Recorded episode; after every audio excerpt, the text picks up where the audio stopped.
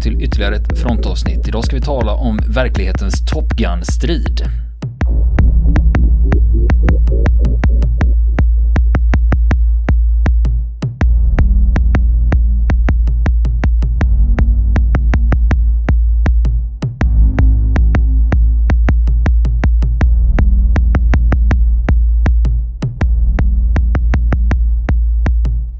Top Gun ja. Mm. Och varför tar vi upp Top Gun just nu? Är det... Får se. När kom filmen nu? Just det, nu är du Just på det. rätt spår. Kom den 86? 1986, Det var det. svensk premiär 4 juli. Åh, Till och med. Och Alltså, jag, du jag ser hur knappt- stjärnbaneret Ja, vajar här precis. va? Med Reagan i bakgrunden. Jag vågar inte säga hur många gånger jag såg den filmen på 80-talet med hyrd med Moviebox och hyrt på videouthyraren. Oavsett vad du säger om hur många Ja. gånger du har sett Top Gun så är jag värre. Kan det vara möjligt? Ja, du vet, eh, det är så att i den filmen så Tom Cruise kör ju en motorcykel. Mm, Eh, det, det. det är en Kawasaki GPZ 900R. Jag har en Kawasaki GPZ 900R. alltså en Top Gun Top motorcykel. Gun motorcykel. Det är inte utan att man nynnar lite när man är ute och far på Ja, vägarna just med den. Ja, det är roligt. Se där. Ja. Nej men det var när den kom, det var en väldigt, ja, mig tilltalar den. Ja. Jag var väl 14 De- år då ungefär. Tyckte den var Mm, bra. De flygscenerna var riktigt coola. Ja. Ja, de håller fortfarande. Och jag, den gick på tv för eh, ett tag sedan och då såg jag dem med min son och, eh, och de håller faktiskt. Jag har, inte sett, jag har inte sett den filmen den här sidan millennieskiftet tror jag. Nej. Men det kanske är dags att kolla in den igen. Ja, gillar man flyg så finns Ja. det mycket att hämta i den. Alltså, det är bra scener. Ja, Sådär även om det finns en cowboy. Eh, ett cowboystuk över hela filmen. Men eh, när man, ja. och mycket flaggviftande och sånt. Såklart. She's lost that loving feeling. Ja, nej, men den är, den är Ja. spännande. Alltså. Men det jag skulle komma till här och, eh, och det är nämligen att luftstriden i slutet av filmen den bygger delvis på verkliga händelser. Ja, så det gör den. Jajamän, med F-14 Tomcats inblandade.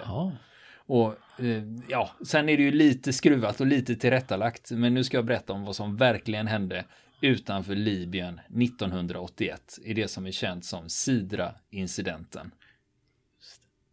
Och luftstriden i slutet av filmen är ju eh, lite tillrättalagd men bygger lite på verkliga händelser och då var det amerikanska F-14 Tomcat mot libyska Su-22. aha. Just det. Ja. Och det var skarp strid. Och då har du till exempel hört talas om Bogies and Bandits. Mm. Då har vi sett några flygfilmer va? Jajamän. Har du någonsin fattat vad skillnaden är? En bogey och en bandit.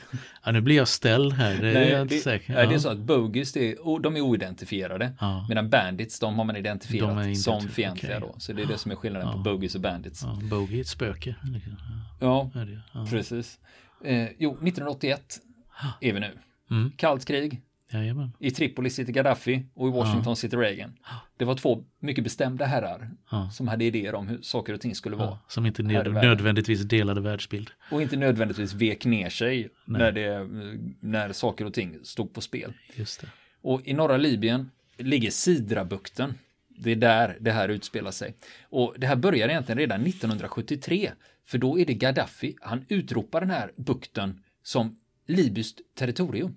För det finns internationella avtal som handlar om hur långt sträcker sig ett lands territorium utanför. Till havs ja. Utan, nej, till havs ja. Och det ska vara två mil ut i havet. Men Gaddafi, han hävdar att nej, nej, nej, inte i Sidrabukten. Där sträcker sig det libyska territoriet ännu längre ut. Och både 1973 och 1980 hade libyska jaktplan öppnat eld mot amerikanska spaningsplan över Sidrabukten då. I den, det, det är ett område då där det råder en dispyt. Amerikanerna tycker nej, vi är på internationellt vatten. Och Gaddafi tycker nej, nu är ni på libyskt vatten. Så det är där de här, det. det är det här, det här bråket börjar. Och Reagan, han ville ju inte gärna att andra länder skulle diktera vad USA fick och inte fick göra. Så i augusti, då seglade hangarfartygen USS Forrestal och USS Nimitz mot Sidrabukten. Och de hade med sig fyra skvadroner, de hade med sig F-14 Tomcats och de hade F-4 Phantom. Och libyska flygvapnet svarade med att gruppera stridsflyg på landbaserade baser eh, runt om i Sidrabukten då. Och 18 augusti 1981 då påbörjar amerikanerna en övning. Tre libyska MIG-25 närmar sig amerikanerna, men de avvisas av jaktplan. Och libyerna fortsätter under dagen att flyga i närheten av de amerikanska fartygen. Och det är inte lite plan som libyerna har i luften den här dagen. 35 par av MIG-23, MIG-25, SU-20, SU-22 och Mirage F1. Mm. Så det är mycket libyska flygplan ja. uppe Rota, i luften. Många rotar. Ja du, det blir några stycken. Mm. Och amerikanerna, de använder sig av sju par F14 och F4 för att avvisa dem om de kommer för nära. Ingen öppnar eld den 18 augusti, men enligt amerikanska flottans underrättelsetjänst kan det vara så att en MIG-25 har avfyrat en robot mot ett amerikanskt plan på nästan 30 kilometers avstånd. Och ska man summera den här dagen, just den 18 augusti, ganska spänt läge. Mm. De, de, amerikanska fartygen ligger där, libyerna är inte så förtjusta i det. De svärmar som bålgetingar där. Precis. Ja. Och nu kliver vi över till den 19 augusti. En pilot, en Commander Sanders, han flög en S3A Viking. Och det här flygplanet är alltså ett väldigt, väldigt långsamt flygplan och det använder man till ubåtsjakt. Och den internationella gränsen går ju 20 kilometer från land, tycker ju amerikanerna. Mm. Och Sanders flyger precis utanför den här 20 kilometers gränsen. Men då är han ju innanför vad Gaddafi kallar ja. för libyskt territorium. Och då är frågan, gör de det här för att provocera fram en reaktion från libyerna? Ja. Vad tror ni? Ni får gissa själva. Ja, Jag kommer inte att svara på den frågan. Hur som helst, ett amerikanskt spaningsplan, en E2C Hawkeye i närheten, den upptäcker att uh oh, nu har två Su-22 lyft från flygbasen Gurdubea och det ligger nära staden Sirte. Och de satte full fart mot Sanders och hans S3A Viking. Och han är ju inte snabb va? I sin stackars han Viking. Inte där, undan. Och Sanders han varnas och dyker ner till 500 fot och sätter kurs norrut hem mot hangarfartygen då. Och samtidigt så dirigeras två F14 för att möta Su-22 och de sätter full fart söderut då. Kollisionskurs mot Su-22. Och det ena planet som kallas för Fast Eagle 102 102 alltså. Mm. Det flygs av Commander Henry Hank Kleeman och han har med sig navigatören löjtnant David DJ Venlet. Och Hank och DJ är ju deras anropsnamn då. Och de flyger ju två stycken F14. I det andra planet där sitter, det heter Fast Eagle 107 och där sitter löjtnant Lawrence Music Muchinski och han har med sig navigatören Lieutenant Junior Grade James Luca Anderson och deras anropsnamn då det är Music och det är Luca. Så det är de två F14-planen som är på väg söderut för att möta de här Su-22. Och Su-22 de går upp på 20 000 fot och då har de gått upp på samma höjd som de amerikanska planen och accelererar upp till 540 knop. Så nu är det raka spåret mot mm. varandra. Och det finns en bok som heter Detail and Scale F14A and B av en författare som heter Bert Kinsey. Och i den har han intervjuat Muczynski om just Sidra-incidenten. Och då berättar Muczynski så här. Klimen ledde roten och jag var rotetvåa till höger om honom och det var cirka två kilometer mellan oss. Det var uppenbart att motståndarna hade bra radarstöd från marken. Så fort vi ändrade kurs ändrade de också kurs. Och när vi möter dem på ett avstånd av 300 meter ligger vi ungefär 150 meter högre än dem. Då ser jag ett ljussken som blixtrar till under den ena Su-22ans vinge när roboten tänds. Roboten flyger iväg med en rökstrimma under Klimans plan och den böjer av uppåt mot mitt plan. Men det var uppenbart att den inte utgjorde något hot för någon av oss, så vi brydde oss inte. Och det som har hänt här nu är att en Su-22 har öppnat eld mot den amerikanska F-14. Och då är det Rules of Engagement då är det fritt villebråd. Nu får man ta de här SU-22 om man vill. Och det som händer, det är att precis när F-14-planen har passerat SU-22, då bägge planen svänger skarpt åt vänster för att ta upp förföljandet. Och de ska hamna i position bakom SU-22 så fort som möjligt. SU-22, de splittar och, stiger brant uppåt bägge två och påbörjar varsin svag högersväng när F-14-planen mm. hänger efter. Och för att ni ska hänga med nu i vad som händer så den SU-22 som öppnat eld, den kallar jag för rote-ettan. Mm. Och den andra kallar vi för rote-tvåan.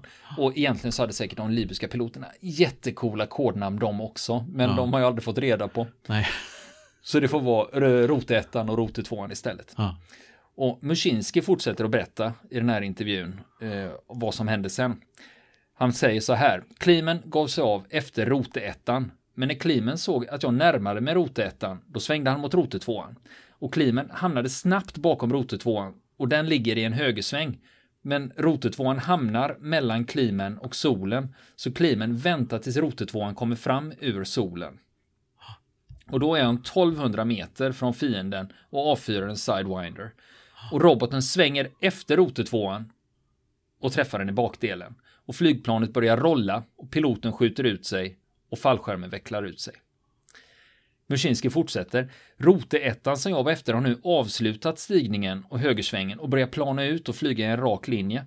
Han börjar svänga lite åt höger, men jag har en bra position bakom honom. Så jag avfyrar en sidewinder som får rakt in i hans motor som sprängde loss allting från vingfästen och bakåt i ett gigantiskt eldklot. Jag låg 600 meter bakom honom och inser att jag riskerar att flyga rakt genom spillrorna från hans flygplan. Så jag drar spaken rakt åt mig och gör en stigning i 6G. Och när jag är ovanför gör jag en inverterad roll och ser framdelen av hans söndersprängda och brinnande plan singla neråt. Jag ser att piloten skjuter ut sig, men jag ser inte att fallskärmen öppnar sig. Mm. Och eh, hur det gick för de här piloterna? De libyska källorna säger att en av piloterna överlevde det här. Och sen efteråt när man då pratar om eh, hur det här var, eh, då, då, säger Meshinski att vem som helst i min skvadron kunde göra det jag gjorde. Det var bara det att jag var på rätt plats vid rätt tillfälle och jag handlade rätt. Och jag är övertygad om att Klimen och Anderson och det andra planet känner samma sak. Vi var alla tränade likadant, vi flög likadant och vi hade samma plan. Ingen är bättre än någon annan och jag tycker att underhållet av VF41 är fantastiskt. Det var ju deras skvadron då. Ja, just det. Och efter striden så återvände Music och Clement till USS Nimitz och libyerna skickade ut räddningsmanskap för att plocka upp sina piloter. Och då fick de eh, Su-22 målade på eh, sina flygplan, varsin silhuett då. Och en timme senare efter det här, då kommer två MiG-25 i en och en halv mack mot hangarfartygen. Men mm. amerikanerna skickar upp F-14-plan för att möta dem och då vänder MiG-25 och kommer mm. inte tillbaka. Och det som gör den här striden lite unik är att det här var första gången som F14-plan var i strid överhuvudtaget. Ah, ah. Och det är första gången som plan med svängbara vingar var i strid med varandra. För Su-22 kan också svänga också, vingarna in och ut. Då. Och vad hände sen då i den här historien? Ja, 16 januari 82 det är ju nästan ett halvår efter den här mm. incidenten. Då fick flygarna, alla fyra, de fick sina Distinguished Flying Cross av eh, Vice Admiral Roden. Han var befälhavare för sjätte flottan. Och det här skedde ombord på USS Nimitz. Ja, mm. utom, alla var där utom navigatören Venlet, eh, för han hade bytt förband, så han var inte med på själva medaljceremonin där. Klimen, han omkom 1985. Han landade en F-18 på Miramar. Och ja. Miramar, det är ju det flygfältet man får mm. se i inledningsscenen på Top Gun eh, när Tom Cruise kommer körande med sin motorcykel. Och det var där Klimen dog. Mm. Han landade en F18 där 1985. Han fick vattenplaning när han landade och planet slog runt och han dog i den kraschen. Oh, Venlet, han, mm. han överlevde däremot mm. och fortsatte sin karriär inom flottan. Han blev så småningom viceamiral och han ledde, ut, han ledde utvecklingen av F35-projektet. Oj, detta, ja. denna se, sega sörja. Som förtjänar en egen serie blir det ja, nästan om man ska gå in på hela det projektet. Precis. Och de här flygplanen som användes då, vi hade ju Fast Eagle 107, Fast ja. Eagle 102. 107 den kraschade 94 under en landning på ett hangarfartyg. Det var faktiskt en pilot mm. som satte den i akten på hangarfartyget. Oj. Och 102 eh, den mm. finns kvar och den väntar på renovering. Och det är ett flygande museum i Texas som har den hos sig. Så de, och, de, och det här flygande museet de har alltså gamla flygplan Aha. som de gör i ordning så att de är ute och flyger med dem. Ja, och gör det flygvärdiga igen. Liksom. Precis, ja. så det är där de finns då. Och de här två nedskjutna Su-22 de finns på havets botten i Sidrabukten. Och jag tänkte så här, eh, för jag såg nämligen någon som skrev om det här och då skrev han så här, ja för att se på dem behöver man ett dykarcert. Och då kollar jag djupet där över Sidrabukten ja. på ett sjökort. Och den är mycket djupare. Så det räcker inte med en vanlig... Du behöver inget vanligt dykarcert. Eh, du, ja. behöver, du, du, behöver mer än ett paddy-certifikat ja. open water för att titta ja. på dem. För det är flera hundra meter djupt i Sidrabukten ah. och det trodde jag inte. Jag trodde den skulle Nej. vara grundare faktiskt. Ja, det ser man. Ja. Och vad hände sen ur det internationella perspektivet? Jo, relationen mellan Libyen och USA under 80-talet de mm. var ju lite, lite spända. Gaddafi ja. var ju uh, utmålad som en storskurk. Mm. Uh, och det fanns ju flera anledningar till att han målades ut som det också. Ja, Lockerby. Ja, jag kommer till det. Ja. Eh, Bland annat samma år, 1981, samma år som Sidra-incidenten på hösten där, då påstod amerikansk press att libyska mordkommandon tagit sig in i USA för att mörda Ronald Reagan. Och USA tog hem sin ambassadör från Italien. Då hade de fått uppgifter om att libyska agenter planerade ett attentat mot honom. Aha. Och USAs ambassadör i Frankrike, han blev beskjuten, men klarade sig. Och USA misstänkte såklart att det var libyerna som låg bakom det här då, även om det inte var bekräftat från annat håll. Och sen i december 81, då förbjöd Reagan amerikanska medborgare att resa till Libyen och uppmanade alla amerikaner att lämna landet. Och det var för att de var rädda för att få en gisslansituation. Man hade ju haft en jättesopig gis- gisslansituation i Teheran 1979 Just och det var det man ville undvika. Så därför ville man inte ha amerikaner i landet. Sen fortsätter historien mellan Libyen och USA. 1983, då möts återigen två amerikanska F-14. Då möter de två libyska jaktplan över Sidrabukten, men den här gången är det ingen skottlossning. Ingen skjuter, ingen avfyrar några robotar. Sen fortsätter vi fram, 1985, 27 december. Då dör 20 personer, varav fem är amerikaner. Och det är när sprängladdningar detonerar på flygplatserna i Wien och Rom. Ja. Och amerikanska underrättelsetjänsten pekar ut Libyen och säger att det är de som ligger bakom. Och sen kommer vi till 1986, Berlin 5 april. Inne på nattklubben Labelle, då sprängs det en sprängladdning. Tre personer dör, två av dem amerikanska militärer. 200 skadas och av de skadade är 60 amerikaner. Och Reagan säger att det är bevisat att Libyen ligger bakom det här. Och 15 april 1986, då lyfter 100 amerikanska plan riktning Libyen. Två militära anläggningar, två flygbaser och en hamn attackeras i Libyen. De åkte ju dit och bomba i Libyen då. Och enligt libyska källor så dödas 70 personer, varav en är Gaddafis nyfödda dotter. I attacken så skjuts en amerikansk F111 ner och besättningen, två man, omkommer. Men sen kommer vi till Lockerbie, 1988 var det. Just det. Det var Pan Ams flight 103, en 747 som skulle flyga från London till New York. Den exploderar över den skotska byn Lockerbie. 259 omkommer ombord och 11 Lockerbiebor dör. Och det är vi som är i rätt ålder, vi minns ju mycket väl det här attentatet. Och inte förrän Precis. år 1991, då åtalas två libyer i sin frånvaro som misstänkta för, eh, för attentatet. Och det är att de skulle vara libyska agenter som utfört det här bombdådet då. Men inte förrän 1999 lämnas de ut av Gaddafi. Så 91 kommer åtalet, 99 lämnas de ut. Och en av de här döms till livstidsfängelse, den andra frikänns. Och han som dömdes, han heter Abdel Basset Al-Megrari. Det var han som dömdes till livstidsfängelse. Han släpps redan 2009 eftersom han hade långt framskriden prostatacancer. Så han överlever bara fram till 2012 när han dör i cancer. Då.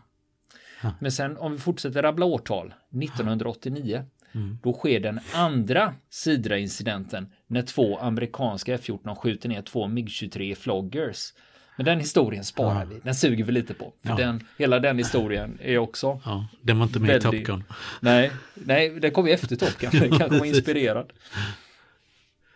Och sen 2011, då dödas Gaddafi efter att strider blossat, blossat upp i landet efter den arabiska våren. Och därav såg vi ju tv-bilder från när han grips. Och sen fanns det Obehagligt. bilder på hans eh, blodiga lik också. Just det.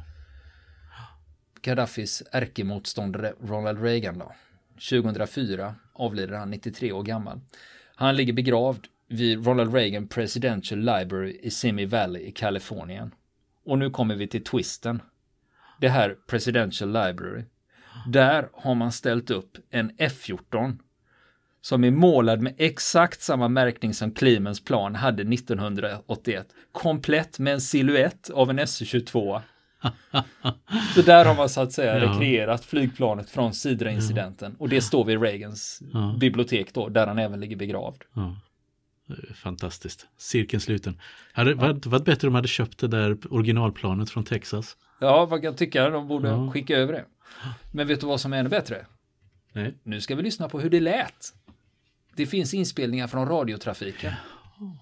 Men vi kommer att avbryta lite under den här, eh, det är ungefär fem minuter Mm. eh, eh, som är släppt av den här radiotrafiken, vad som sker under nedskjutningen av två Su-22 över Sidrabukten den 19 augusti 1981. Men eh, grejen är så här att det är ganska taskigt så jag kommer att gå in och bryta och förklara vad det är vi hör. Vad okay. det är de säger till varandra för annars är det helt obegripligt. Mm. Så här lät det 19 augusti 1981 över Sidrabukten. right now. I'll uh, stay in that cluster. I want to see that guy make that. Was 22636.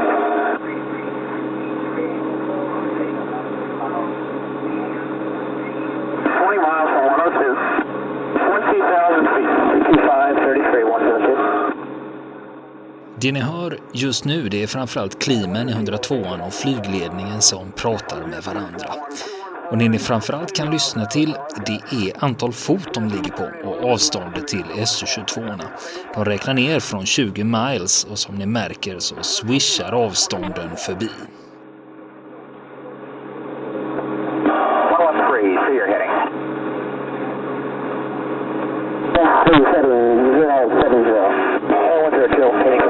Yes, 23024. 10 miles. 102, Mogi's got us on his nose now, 8 miles. Low altitude, we're at 20,000 feet, 6 miles. 103, 113, you're vector 100. 113. Roger, vector 100. Men lyssna nu när Mushinski 107 säger “Two fitters has shot at my leader” och strax därpå säger Klimen “This is 102, we've been fire on”. Two fitters has shot at my leader. This is 102, we've been fired on. Fitters on my left side, Sen är det flygledningen med flera som vill ha bekräftelse på att någon skjutit mot planen.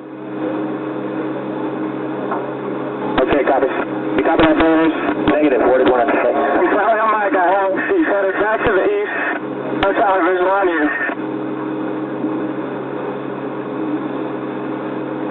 Did you just copy 103? Det är 50 sekunder efter att Su-22 sköt som Klimen bekräftar att han har skjutit ner Su-22. Shot one of them down. Så kommer frågan, did you shoot one of them down? Klimen svarar, it was a clean target.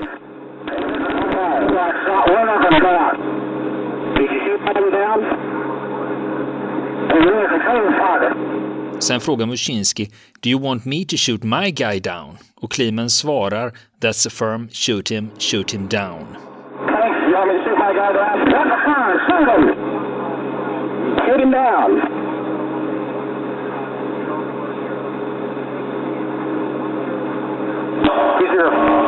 18 sekunder senare kommer bekräftelse från Muschinski. Fox 2 kill from music. Fox 2 kill. Klimen frågar “Did you get him?” Muschinski svarar “Yes sir, I did kill him”. Och sen säger han “Fox 2 kill. His shoot is not deploying, he is falling free”.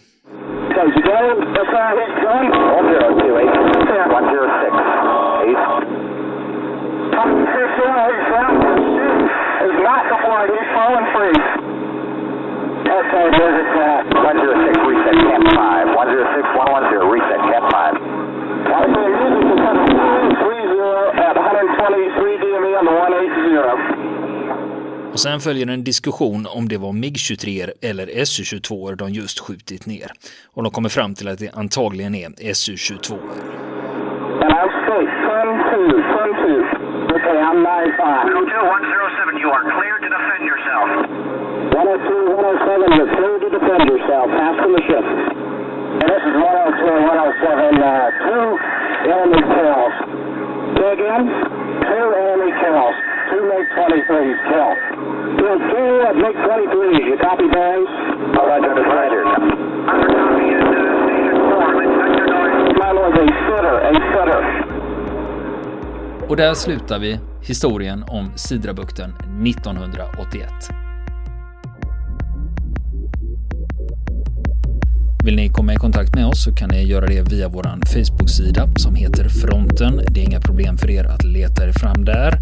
Eller också så mejlar ni på vår mejladress och det är frontenpodcastgmail.com.